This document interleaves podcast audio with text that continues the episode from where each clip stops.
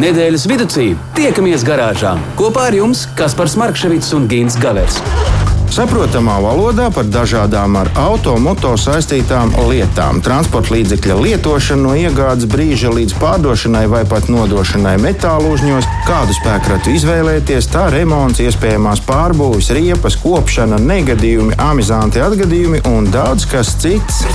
Garāžas sarunas Latvijas Rādio 2 ēterā, trešdienās, septiņos vakarā.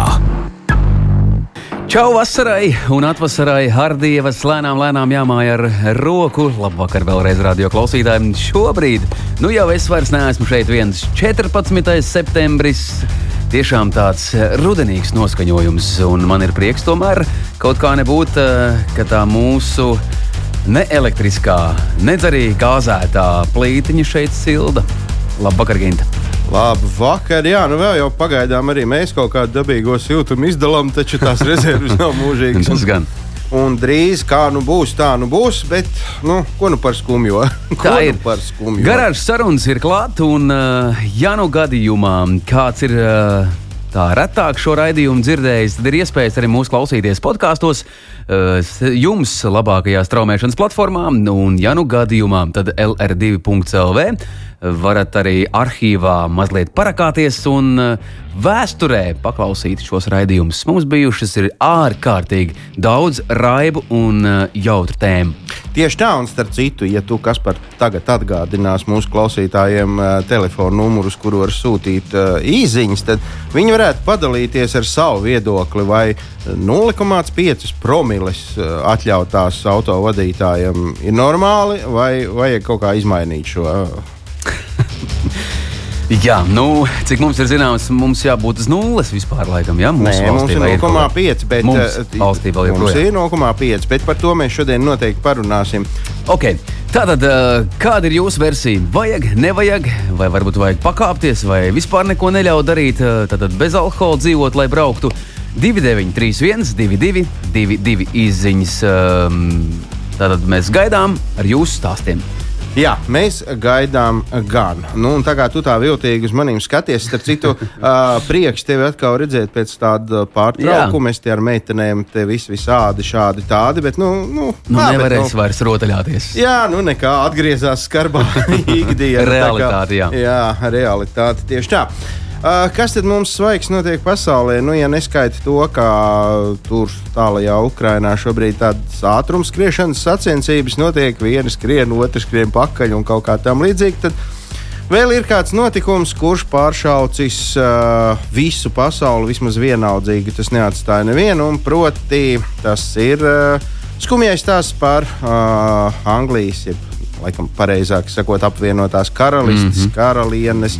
Elizabetes otrās aiziešanu no mums. Um, Anglijas karaliene Elizabete II šobrīd droši vien ir vairāk uzmanības centrā nekā savas garās un ražanās dzīves laikā, bet nu, tā, diemžēl, ar uh, slaveniem cilvēkiem bieži tas notiek. Šobrīd tiek histēriskā ātrumā uzņemtas gan filmas, gan aprakstīti viņas tērpi, suņi, gleznas un daudz kas cits. Uh, Nu, mēs jau tā kā malā nestāvēsim un uh, sekosim modes tendencēm, mēs droši vien varam pie, piešķirties vairāk nu, tieši uh, tam, kādas tad uh, Anglijas karalienei bijušas automašīnas un kā ar tām ir uh, gājis. Kā izrādās, tad pats pirmais auto, kuru vadījusi Elizabete II, ir ar nosaukumu Austin K2Y. Tas ir militārs busiņš. Tas bija otrā pasaules kara laikā, mm, un šis busiņš bija iekļauts Britu armijas bruņojumā kā sanitārais transports. Uh, tajā laikā topošā vai nākamā karaliene vēl arī bija medmāsiņa armijas rindās, un tad, nu, lūk, viņa ar šādu austinu kā divi Y uh, brauca. Te gan jāpiebilst, ka toreiz karalienei nu, vēl nebija karalienes tituls, bet tikai princeses tituls, un otrkārt, toreiz viņai bija tikai 18 gadi. Uh, lai vai kā šis robustais amerikāņu busiņš ir iespaidojis Elizabetes otrās uh, izpratni par īstu auto un pirmais karaliskais Braucamais pilsētas garāžā ieripoja Land Rover Defender priekšgājējs ar vienkāršu nosaukumu Rover. Uh, nu, Elizabetei konkrēti ticis šīs sērijas simtais eksemplārs. Un, un uzreiz var pateikt, kāds viņai acīm redzot ir bijis raksturs, jo, nu, lai dāma izvēlētos šādu te ar cirvi tēstu automobīli, nu, jā, bet, nu, tajā pat laikā tieši tāds ir noticis. Principā tā arī dzīves garumā karalienes autoparku papildinājuši ir visi iespējamie Land Rover Defender uh, paudzes modeļi mm. un arī mhm. konfigurācijas. Un kad zīmola modeļu klāsts apauga ar citiem nosaukumiem, tad arī tie atrada vietu viņas garāžā. Nu, tā tad Land Rover, Range Rover, kas nu tur viss nav kopā, tur pāri pa 11 uh, modeļiem. Sanāk. Izklausās tā garāžā, vai ne? Nu, nu tā, skaidrs. Nu, jā, jā. skaidrs. Nu, Tādā piemājas stūrītī. Uz, uz, 3000 kvadrātmetriem. ir kur izpausties katru dienu. jā, jā. Land Rover bijis vienīgais zīmols, kura uh, braucamrīkus viņas uh, augstības stūrējusi pati. Nu, lai gan tā nav pilnā mērā tiesa, jo bijuši arī izņēmumi. 60. gadu sākumā karaliene iegādājusies Vauxhall Cresta Frairī Estate Rover 5BP. Par šo auto daudz uh, netika stāstīts, jo ar to karaliene devusies, nu, toreiz jau princese, devusies slepenos izbraucienos ārpus savas rezidences, un par to neviens tā īsti nedrīkstēja zināt. Lai to panāktu, nācās saplūst ar pārējiem autobraucējiem, un tieši Vauxhall tam arī lieliski noderēja. Nu, ja kāds gadījumā nezina, tad Vauxhall tas ir tas pats Opel, tikai uh, Lielbritānijā, konkrēti Anglijā, viņš tiek ražots vēl līdz šai baltajai dienai ar šādu nosaukumu. 70. gados inkognito vajadzībām karaliene izvēlējās Rover 5 Nē, Rover P5B. Ļoti līdzīgs tas nosaukums, kā bija tam Vauxhall nobeigumā, kas liek domāt, ka nu, tur kaut kā droši vien. Kaut kāda brāļa varētu būt. Vieni un tie paši konstruktori mm -hmm. tur -hmm. bija iejaukti. Nu, lai vai kā, bet šoreiz jau tas bija tāds simtprocentīgs anglis, lai gan arī nu, viņi nebrauc ar Opel, bet Vauxhall tā tad arī angļu auto. Nedaudz pagriežot pulksteni vēl atpakaļ savos, uh, nu ne, savu pirmo Rolls Royce Automobīli Elizabete kopā ar vīru pasūtījusi vēl 1950. gadā.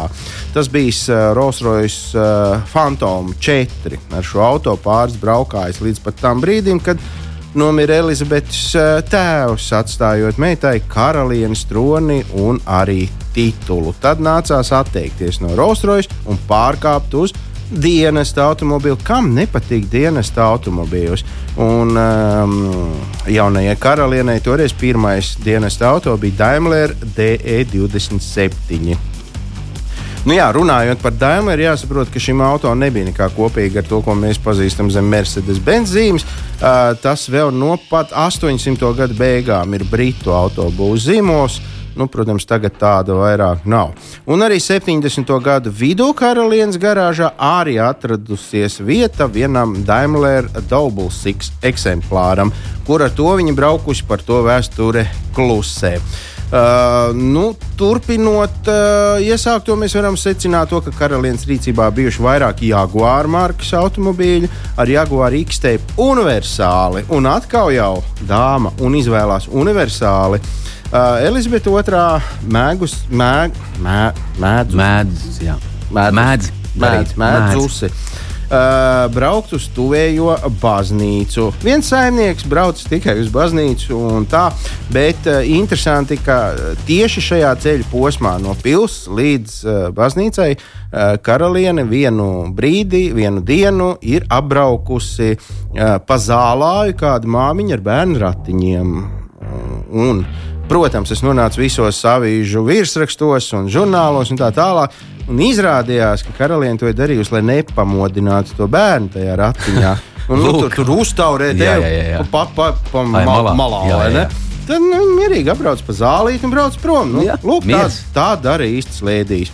Uh, 50. vadīšanas gada dienās uh, karaliene tika pie labas dāvanas - Bentley State limuzīna Šis auto vēlāk ticis izmantots uh, oficiāliem braucieniem, bet izrādās, ka piemēram, lai pavizinātos savā dzimtajā Skotijā, karaliene ir izvēlējusies ērtu, tādu praktisku Bentley Bentaga apvidnieku. Tas arī nu, viens no pēdējiem viņas, uh, nu, nevar jau teikt, pirkumiem, iegūmiem, kā to nu, lūk. Nu, no jā, lepni, vai ne? Nu, jā, nu, tā ja mēs skatāmies. Nu, vienīgais, ko mēs uh, šobrīd vēl līdz šim nezinām. Tas jau nav atklāts, ar kādu autokaralieni dosies savā pēdējā braucienā. Mm -hmm. uh, un uh, te varam atcerēties to, ka viņas vīrs šīm vajadzībām jau ļoti laicīgi bijis pasūtījis hockey krāsas Land Rover Defender katafalku. Uh, nu, viņš zināja, ka kādreiz tas būs vajadzīgs, Jā. tāpēc jau laicīgi sagatavojas tādu, kā viņš to grib.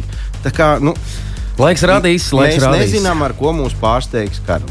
Jā, laiks rādīs, un tiešām noteikti, ka visa pasaule to um, uzzinās, ieraudzīs, un tas notiks pavisam drīz.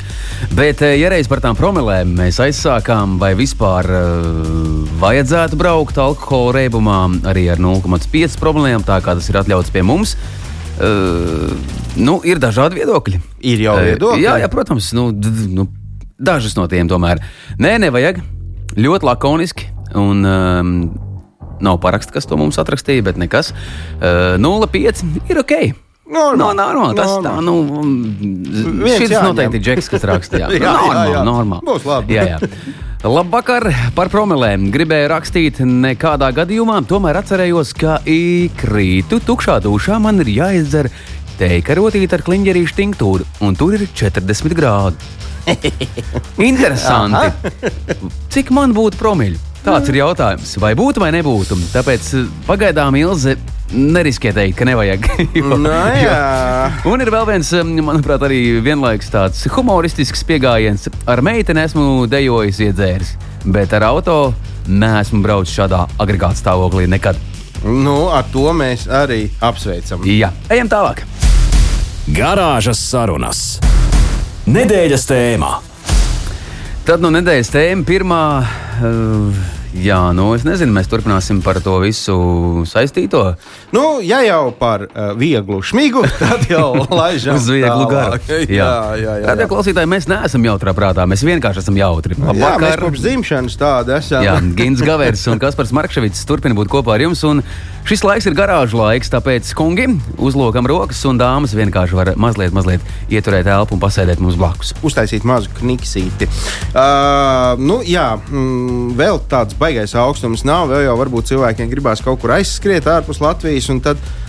Nav slikti zināt, laicīgi ar ko rēķināties. Un tad uzreiz mēs varam pastāstīt to, ka Tādās valstīs kā Bulgārija, Čehija, Horvātija, Ungārija, Rumānija un Slovākija alkometra rādījums nedrīkst pārsniegt nulli. Tā kā ja mēs te taisamies uz vienu fiksu, tepat netālu no mums, tad uh, nu, atcerieties šīs zemes, šīs valstis, tur ni un ni.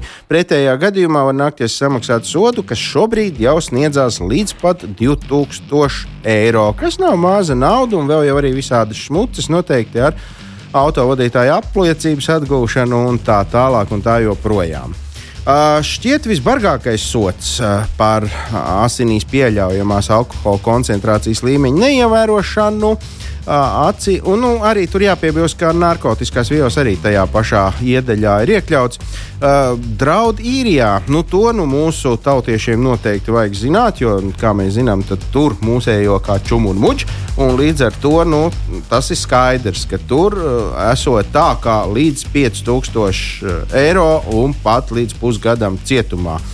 Nu, smagi, smagi cilvēkiem tur ir. Nu, ko, ko var nu, teikt? Mums vēl joprojām uh, ienāk ziņas viena aiz otras par alkohola lietošanu pie stūres un pabeidz savu sakāmo. Tu, tu dzirdēsi, ko tauta saka. Labi, es tad ātri. Nu, es varu pastāstīt to, ka piemēram Francijā, uh, Somijā, Zviedrijā, Polijā. Uh, arī Igaunijā ir uh, pieļaujamā norma 0,2 promīlis. Vēl ir tā, ka vairākās valstīs uh, tiem, kas brauc ilgāk par 3 gadiem pie stūres, tie drīkst līdz 0,4 vai 0,5 promilēm. Uh, savukārt, uh, nu, tos, tos, ko mēs saucam par jauniem gurķiem, tie, kas līdz, uh, līdz, nu, līdz trīs gadi vēl nav mm -hmm, nobraukuši mm -hmm. savā karjerā, tad nu, tiem ni, nu, tiem, jā, ni. apaļi, nu, pareizi jau ir, bet nu, es gan teiktu, ka laikam jau nu, arī. Nu, ja nav, tad nav. Ko tas nu, divi tev dod? Nu, pasmaržot korķīti. Nu, Nu, nu, ja nu vienīgi tā kā mūsu redz, lasītāji, mūsu klausītāji ir uzrakstījuši, ka nu, tā ku- kumelīša tinktūra. Es pieļauju domu, ka tas iekļaujās tur. Uh, starp citu, arī Anglijā, nu, apvienotajā karalistē, par kuru mēs tikko runājām, karalienes sakarā, tur līdz 0,5 tāpat kā pie mums, bet uh, profesionāļiem. Tie, kas brauc, tiem, kas tas, tie, kam tas ir darbs, mm -hmm, un, -hmm. un arī nu, vadītāji, ar kuriem nav liela pieredze, nulle. Nu, lūk, Igaunijā 0,2, Lietuvā ir 0,4, tiem, kam ir lielāks stāsts, pārējiem 0,0. Un Lietuvas ir tik vienīgā, kur ir izcēlus to, ka mopēdu, motociklu, triciklu un visa veida kvadrciklu vadītājiem 0,0. Lūk, Lūk, jā, bet mēs neko neizceļam. Mēs izceļamies no Baltijas valstīm. Mums ir 0,5. 0,5. Un, un Lietuvieši tomēr saņēmās vienu tā kā palaist zemāk. No tā. Jā, bet zin kā, mums jau ir tas tā iegājies, ja drīkst 0,5, tad viens jāņem. Nē, nu, un tad uzreiz ir, skaidrs, jā. ai, nu vienu vāliņu jau var, vienu vīnu var. glāzi jau Nē, nu, var. skaidrs, Neko skaidrs. nevar Ar mani nekad tas nenotiks. Jā, tinktūru un arī ne jāaizmirst. 40, 30 Bet pilsētas. klausies, uh, Kristīne, garāžā mums ir pievienojusies. Labvakar, Kandavā. Mīļš, paldies, ka jūs esat kopā ar mums. Sveicieni, kungi! Alkohols uh, un auto nav savienojams. Āmen. Kategoriski. Jā, Piekrītam, piekrīt, dāmai. pi- pilnīgi. Kristīne, piekrītam. Agris, uh, sveiki garāžā. Viennozīmīgi nē. Mums tā pietrie- pietiek pārgalvīgu braucēju un var, uh, ja grib paniekoties, nu, mazliet. Tad var jau arī atrast kādu alternatīvu, kurš tad aizstūrēs uz mājām, vai varbūt tevi, kā teikt, kāds taksometru vadītājs eh, aizstūrēs. Bet, ja reiz par taksometru vadītāju ir runa, es tikko biju ārpus galvaspilsnes, galvaspils, ārpus Latvijas uz brīdi. Jēl, lai Dievs nogrābstās, kā man nācās braukt uz lidostu, kungs gulēdams gulēja. Un pat gandrīz notriec divus policistus pie lidostas. Bet gan drīz taču neskaitās. Viņam paveicās, jā, Bet tas bija godīgi. šeit vai tur? Tas bija tur. Tas bija, tur. Nu, tas bija, tas bija varani. Tas bija varani. Piedzīvojums bija tāds un pārdzīvojums. Paldies Dievam, esam laimīgi mājās. Uh, vēl viens labvakar. Vajadzēja, vajadzētu līdz vienai promilei ļaut. Lūk, kā. Var divus Nu, jā, viens, viens mums ir atspēries. 0,5 nav jēgas, ko tad tur neko nevar iedzert. Ar, ar tāda vai ne? Nē, nu te, es domāju, ka var līdz piecām promilēm, bet bez auto. Nu, Jā. tad, tad tā Jā. teikt, noliec mašīnu garāžā un nu, uz tā Var arī kapitālāk, bet tad nu, noteikti bez auto. Paldies, ka jūs esat kopā ar mums. Mēs tiešām eh, sadzirdējām jūsu sacīto. Ja vēlaties vēl iesaistīties, droši 2931, 222, Garāžas sarunas. Nedēļas tēmā. Katru nedēļu mums ir uh, divas lielas tēmas, kuras mēs gribam uh, izrunāt ar kopā, kopā ar jums un iesaistīt jūs arī mūsu radio klausītājus. Tātad droši izziņas ir um, jūsu iespēja piedalīties mūsu garāžā 2931, 222. Gins Gabers un Kaspars Markevits turpina rosīties. Mums šeit ir silti, mums šeit ir labi, bet mēs esam absolūti tīri. Tā gribas teikt. Jā. Šodien mēs pieskārāmies tēmai, kura uzjundīja klausītāju vidū, nu kārtīgi dzirkstelī piešķīra. Jā, un lai mēs paši mazliet dabūtu tādu asumiņu, mēs ar tevi, kas par tūlīt pieslēgsimies elektrībai. Jā, eh, esam sazinājušies ar Eleporta Latvijas vadītāju Kārliju Menziņu. Un eh, Kārlis mums noteikti varēs izstāstīt daudz vairāk par elektroautošteli. Kur tas stepsels ir noslēpts? Labvakar! Labvakar, Kārli! Labvakar. Labvakar, labvakar. Uh, ja es pareizi saprotu, tad tu esi viens no tiem cilvēkiem Latvijā, kurš par elektroautorātu zina gandrīz visu, par uzlādi pilnīgi visu, un bez visa tā tu esi šī transporta veida fans. Jā, jā, nu tā varētu teikt tiešām. Uh, Tad noteikti tu zināsi, kāda šobrīd Latvijā ir situācija ar elektroautorātu, un šajā ziņā es domāju, vairāk tās uzlādes iespējas nevis par iespēju nopirkt. Nu, nu, nopirkt tas jau katram, kā nu kuram, kurš jau nav dabūjis gāzes pārreķinu, tas varbūt vēl var skriet pirkt. Jā, jā nē, nu, uzlādes tīkls īstenībā Latvijā ir samērā labs, jo mums ir visa valsts noklāta, un šeit ir tiešām liels paldies uh, valstī, jo viņi uzbūvēja e-mobīlu tīklu. Būtībā tas nozīmē, ka ik pēc 30-40 km tev ir iespēja uzlādēties. Tur, kur ir blīvāk apdzīvotas vietas, tur ir uh, arī vairāk uzlādes stacijas, un to ir būtībā izdarījusi valsts, un tās ir ātrās uzlādes stacijas. Tas nozīmē, ka pat ar visžēlīgāko elektroautomobīli mēs varam aizvilkt no vienas uzlādes līdz, līdz nākošajai. Nu, jā, man bija uh, iepriekšējais elektroautorāts, man bija tāds, kurš labos apstākļos varēja 100 km nobraukt ar vienu uzlādi. Un, attiecīgi, es arī piedalījos 1000 km izaicinājumā ar šo mašīnu. tas, tas, tas bija izdarāms. Uh, labi, gan arī pēdējā vietā ar viņu biju, bet nu, tas izdarāms bija. Mhm, bet aizbraukt var lēnām, bet, bet var. Jā, jā nu, protams, te jau tas bija mocīšana mašīnai, jo tā, tā, tie pirmie autoautori, kas radīja arī visus šos muļķīgos stereotipus, viņi nu, bija švakāki. Nu, tas jau nenoliedzami. Nu, labi, laiks iet uz priekšu, un tagad elektroautomobīļi ir diezgan nu, tādi veiktspējīgi. Saki, lūdzu, cik lielā mērā Latvijas uzlādes stacijas, gan tās, kas ir publiski pieejamas, gan tās, kuras mēs varam paši sev savā mājā uz, izvietot, uh, spēja nodrošināt to, ko tie jaunie elektroautomobīļi gatavi paņemt pretī. Jo, piemēram, kaut kādos jaunu elektroautomobīļu prezentācijas pasākumos reizēm tur tie cipari tādi, ko pasaka, ko tas auto spēja sevi uzņemt. Un kādā ātrumā viņš tur spēja uzlādēties, ka liekas, oho, Nu, jā, ja mēs ejam uz tām galējībām, tad uh, mums Latvijā ir uh, Ionity tīkls, kas ir tāds Eiropas uh, lielais ceļošanas tīkls, kur jaudas ir uh, tiešām tādas oho, oho. Tad, teiksim, ja tu atbrauc ar mašīnu, kas spēj paņemt pretī, un tāds gan šobrīd nav vēl daudz, nu, tad laiks iet un būs aizvien vairāk. Uh, tad tev, teiksim, tik cik tu aiziesi tur uh, vietējā veikaliņā pačurāt vai nopirkt hotdogu, tad atnākot atpakaļ tev jau būs uh, uzlādēts 200, 300, 400 km, kā kurai mašīnai tas patēriš un cik smaga tava kāja ir. Mm -hmm. Mm -hmm. à, tad, pagad, tad tomēr nu, tur arī tāpatās kā jebkuram automobīlim no, no kājas smaguma, tomēr tas elektrības patēriņš ir atšķirīgs. Un, protams, protams, vissvarīgākais faktors, kas ir elektrības patēriņā, ir tava labā kāja. Jā, lai gan, nu, ja tā padomā, elektriskā urmašīna spied kā gribi, viņš jau nu, vairāk neieskrūvēs, ja tu lēnām urps vai skrūvēs. Nē, nu, protams, tā punkts B ir jāsanāk, jā, jādabū savu pēcpusē tajā vietā kaut kad ir.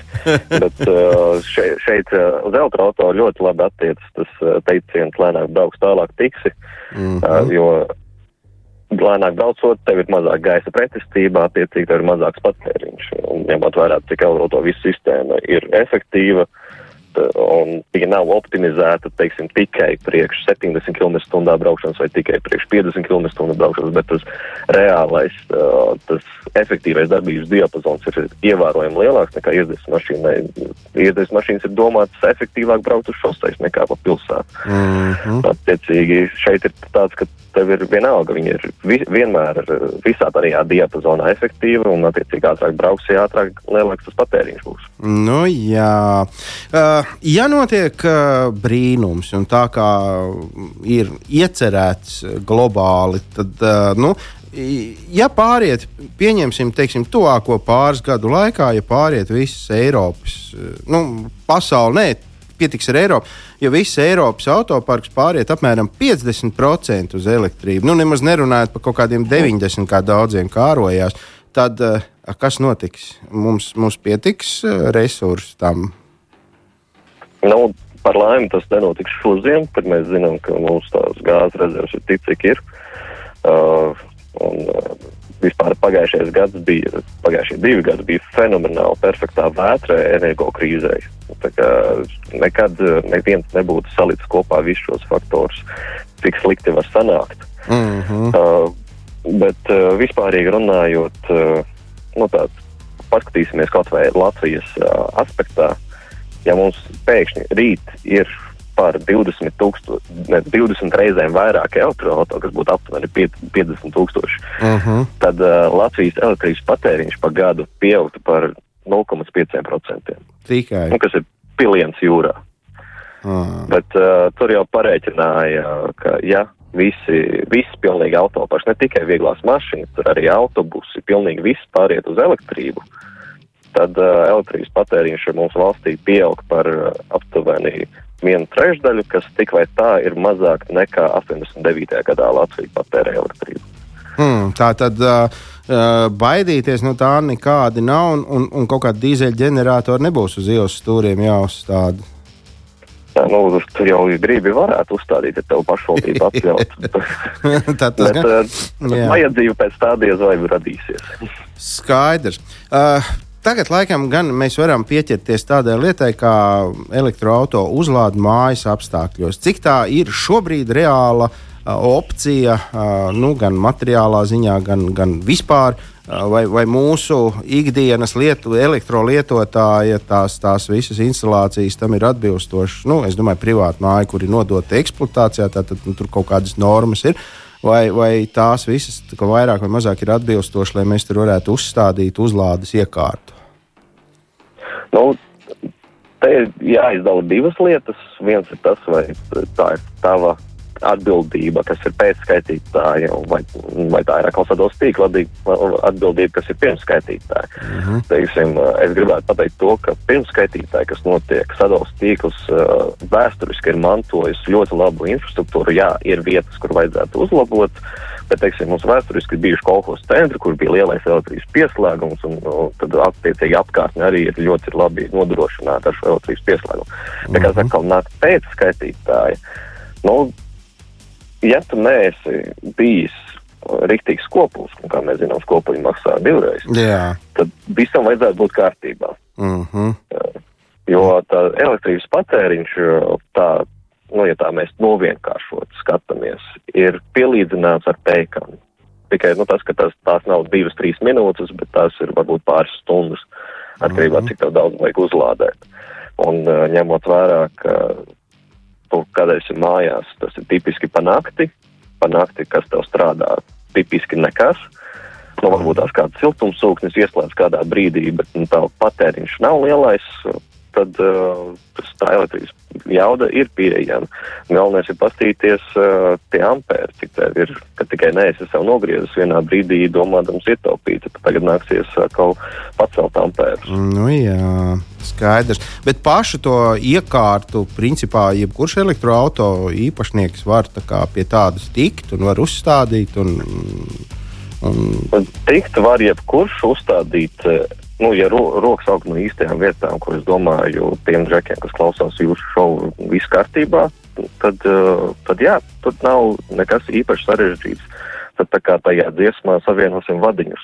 à, Re, kur parādīts, re, kur šeit iesprāst to vadu, šeit iesprāst to vadu, šeit tur, un tad tajā sadalas skatītī tu ieliec šo iekārtu. aha. Tad turpat nav jā, jāsauc kaut kādi gudrie inženieri, kas tur mm, trīs dienas pīpē un tad beigās pasakā, šite. Nu, protams, katra, katram ir sava izvēle un var saukt šos gudros inženierus, bet, nu, kā jau teicu, cilvēkam auga rokas no īstajām vietām, tur nav nekas sarežģīts. Labi, bet tādā gadījumā es jau gribu, lai tu man pastāstīji, un ne tikai man, bet visiem mūsu klausītājiem, ko darīt tiem, kas dzīvo uh, pilsētās. Teorētiski tāds elektroautorāts visefektīvāks jau arī nu, būtu pilsētā, kur viņš būtu viszaļākais. Uh, tad uh, kā būt mikrorajonu iedzīvotājiem? Nu, te man ir teiksim, izteikuši tādu viedokli, ka būtu dīvaini, ja no deviņas stāvienas katra loga tiktu nostiepts viens pagarinātājs vai kaut kā tā. Nu, jā, tas, tas būtu ļoti amizants skats, pilnīgi piekrītu, bet situācija jau gluži nemainās uh, attiecībā uz to. Tev ir jāpaļaujas uz publisko infrastruktūru. Ir, uh, un te ir tāds interesants aspekts, ka elektrība ir vieglāk pieejama nekā degviela. Tādā ziņā, ka jā, tu vari mest pagarinātāju, tas ir viens veids, un es domāju, pašvaldība nebūtu ļoti pateicīga par šādiem uh, izgājieniem.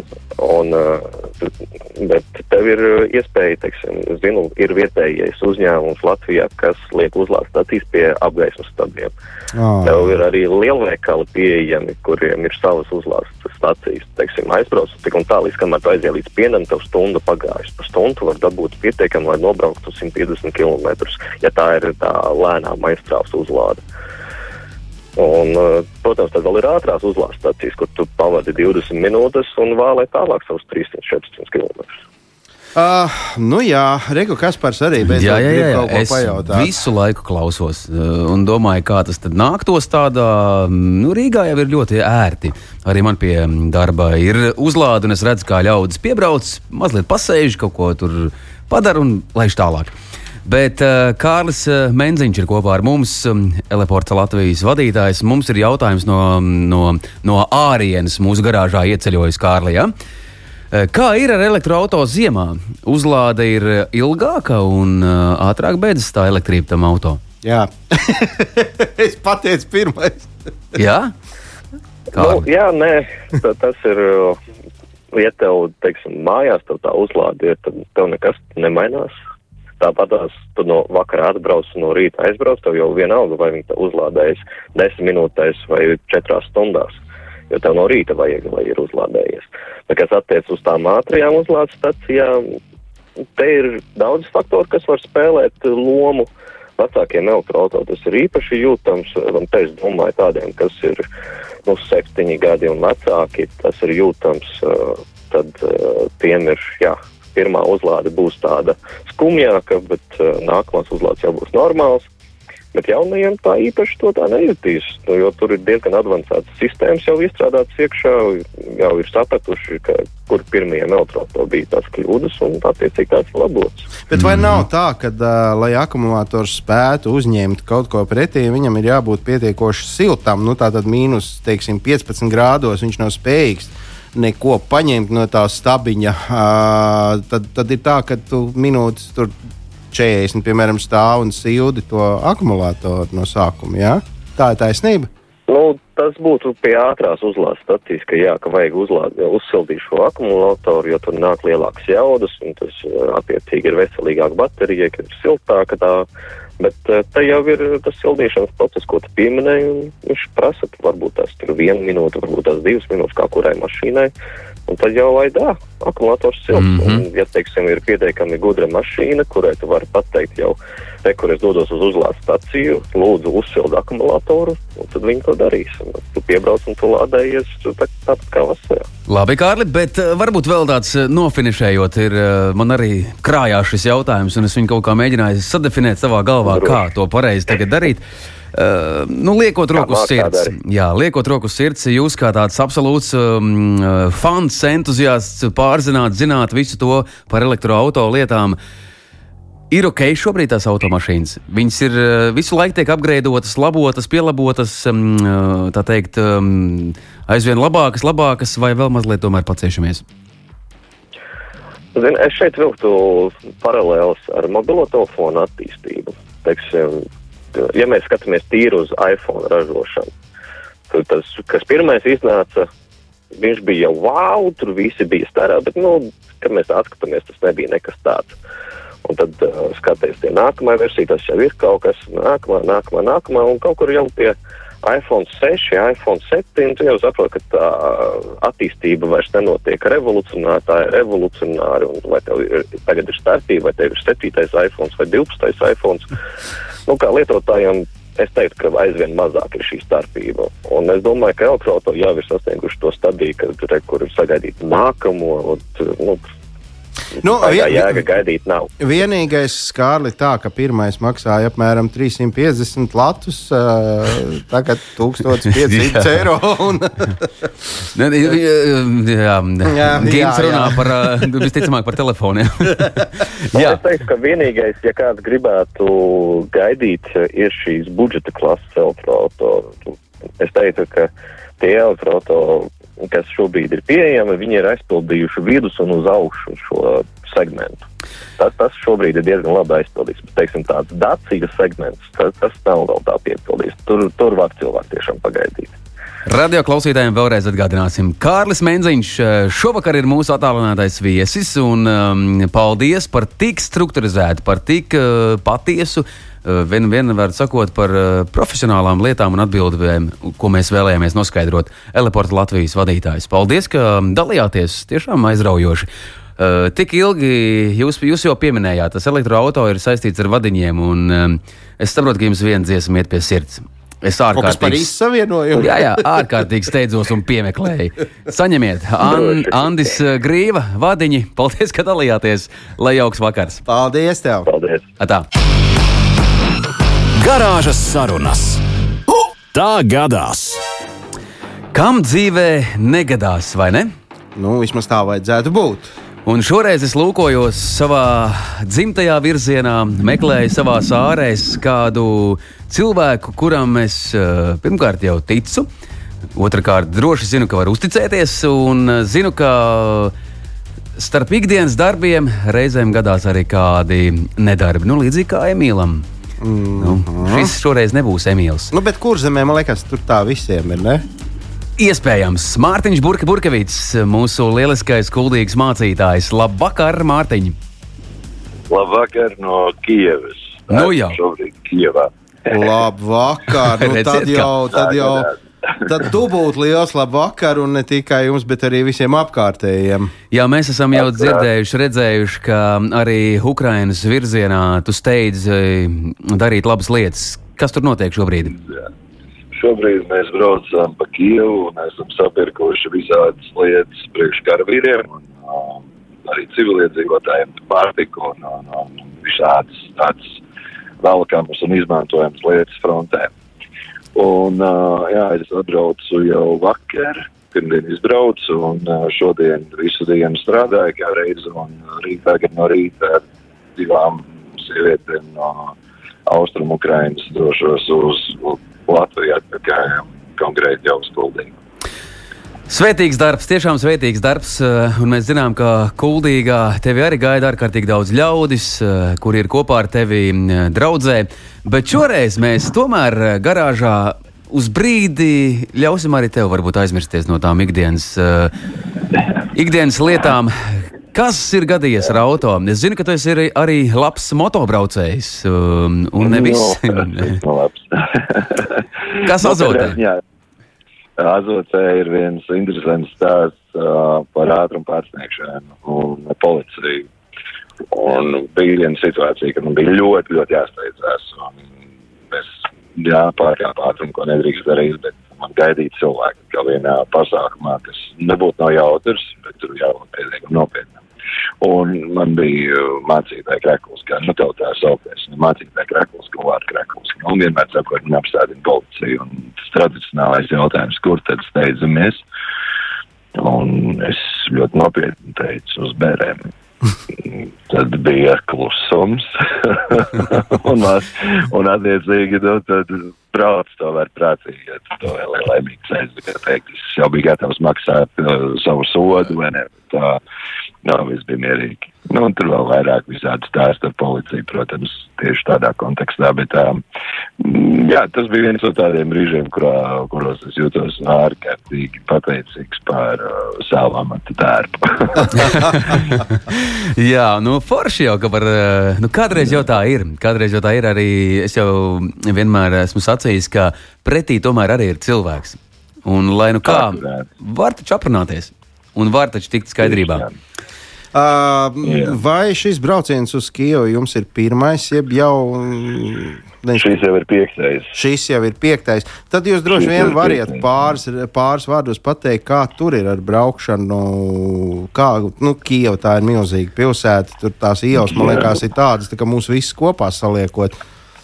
Nu, katrā ziņā ir interesanti, bet es neteiktu, ka būtu baigi, nu, nezinu, briesmīgi, ja tur tādās kādreiz stereotipos domājot par uh, nu, braukšanas stilu, bet nē, viņš ir pietiekami labs un, un, un cilvēki ir patīkami, un ja tu kaut kur, nezinu, es ielīdz ne tur, kur tev vajag, un tev ir jāpārkārtojas. Un, Un beig draudzīgi. Varbūt tur nospēlē atkal kaut kādu Latvijas karogu, vai nevis kaut kādu, bet nospēlē Nu, Latvijas jā. karogs, kas ir ielikt iekšā Ukrainas karogs, un viņi redz Latvijas numurus, un, un, un ir tāda forša sajūta. Un Vienmēr ir paticis aprunāties ar cilvēkiem, arī kādreiz uz ceļa, ja kaut kas ir gadījies, apstājos.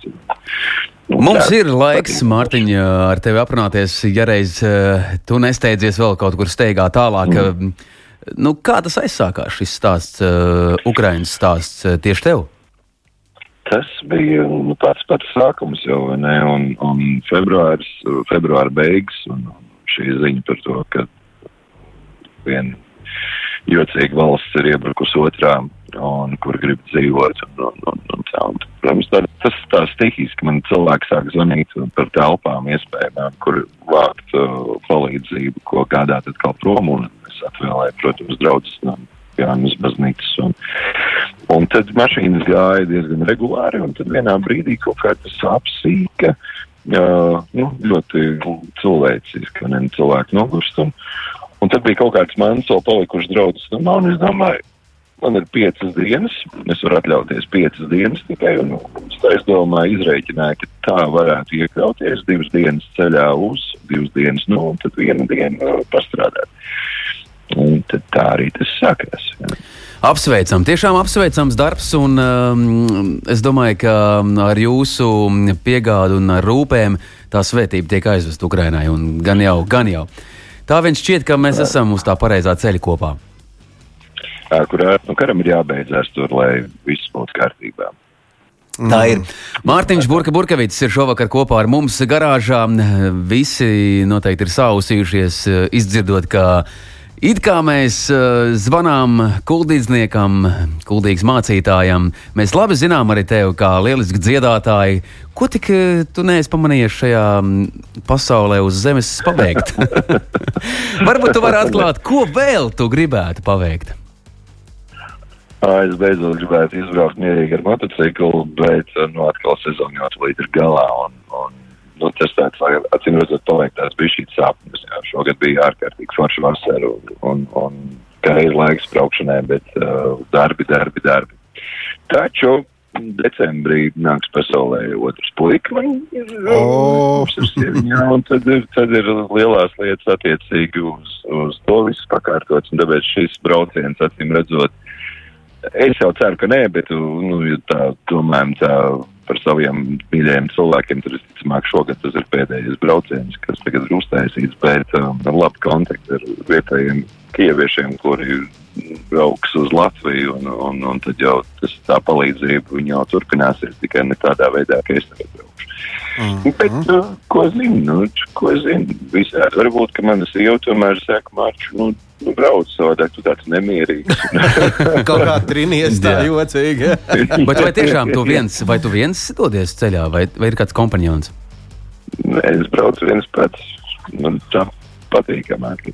Bet uh, pēdējās reizes, nu jau pēdējās trīs reizes ir tā, ka man uh, sanāk arī vests cilvēks ot, uz, uz Ukrainu. Un tā kā, nu, gluži tā, ka viens pats es neesmu. Mm -hmm, mm -hmm.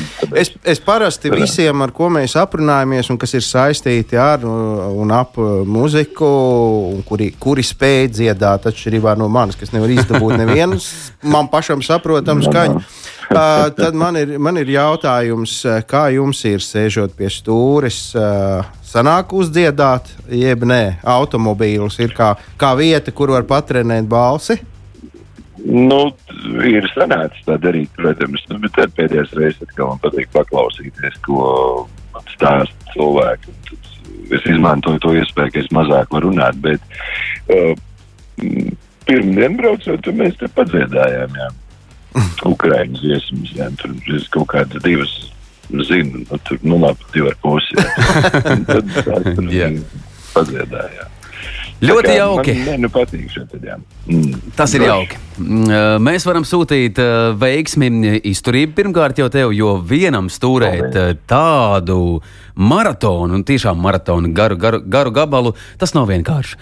Un, Un laikam mums arī ar Kasparu ir jāpalūdz jums nodot tur visiem sveicienu no mums un no garāžas sarunām, un mēs arī turam īkšķi, cik nu vien te spējam. Droši. Mārtiņš Jā. Burke Burkevits, mīļie radio klausītāji, garāžas sarunās ar tādu dieva svētību. Klau Mārtiņ, kādi Jā. būtu tie vārdi, ko Latvijai vajadzētu dzirdēt no tevis kā no mācītāja? Nu, es teiktu tā, turās veselu draugu un dod virsū tā kungu spēkā un viņa mierā un viss būs zo. Dievpalīgi visiem. Paldies par sarunu, lai brīnišķīgs ceļš un sveicienu Ukrainā. Paldies! Atā. Paldies. Atā. Atā. Atā. Mārtiņš Burkevičs šovakar kopā ar mums, eh, lai nu kā mums šķita, ka mm, Mārtiņš ir ar roku aizsniedzams, tepat Te nu kuldīgā. tev bija kurzeme. Nu, redz, izrādās, Izrādās, mēs tikām- kurzemnieks arī Kievā ir kurzemnieks. un Jā, tāds ir, tāds ir lielisks stāsts un lielisks darbi, ko dara šis uh, cilvēks. Jā. Lūk, tā, bet nu, wow, stunda. Tu beidzot ieskatījies pulkstenī, ja? Ātri es ieskatīšos arī mūsu mm, akjēlē. Ir tik daudz ziņu šobrīd. Uh, Es domāju, ka mēs tam veltīsim nākošais reizes kaut kādas minūtes, uh, daudz un atbildēsim. Jā, jā, jā. jā, vai, jā. vai apkoposim Piedodiet, mīļie, ka mēs nevaram šovakar izšķietināt visas tās jūsu rakstītās ziņas. Tad stāsts ir par alkohola lietošanu pie stūres. Tas ir dramatizējies ārkārtīgi. Uh, Nu, kā, Piemēri te ir ļoti daudz, nevajag uh, mazliet jau drīkst. Domāju, ka virs 60 autovadītājiem var 0,5 un pat vajag. Mm, jā, nu, uh, kaut nu to neviens nedzirdētu, un pie tā arī paliekam. Jā, tā tas arī ir, mīļie radio klausītāji. Garāžas sarunas vēr durvis ciet, un mēs jums vēlam brīnišķīgu vakaru atlikušo. Un palieciet kopā ar Latvijas Rādio 2, kas par Markevits un Gins.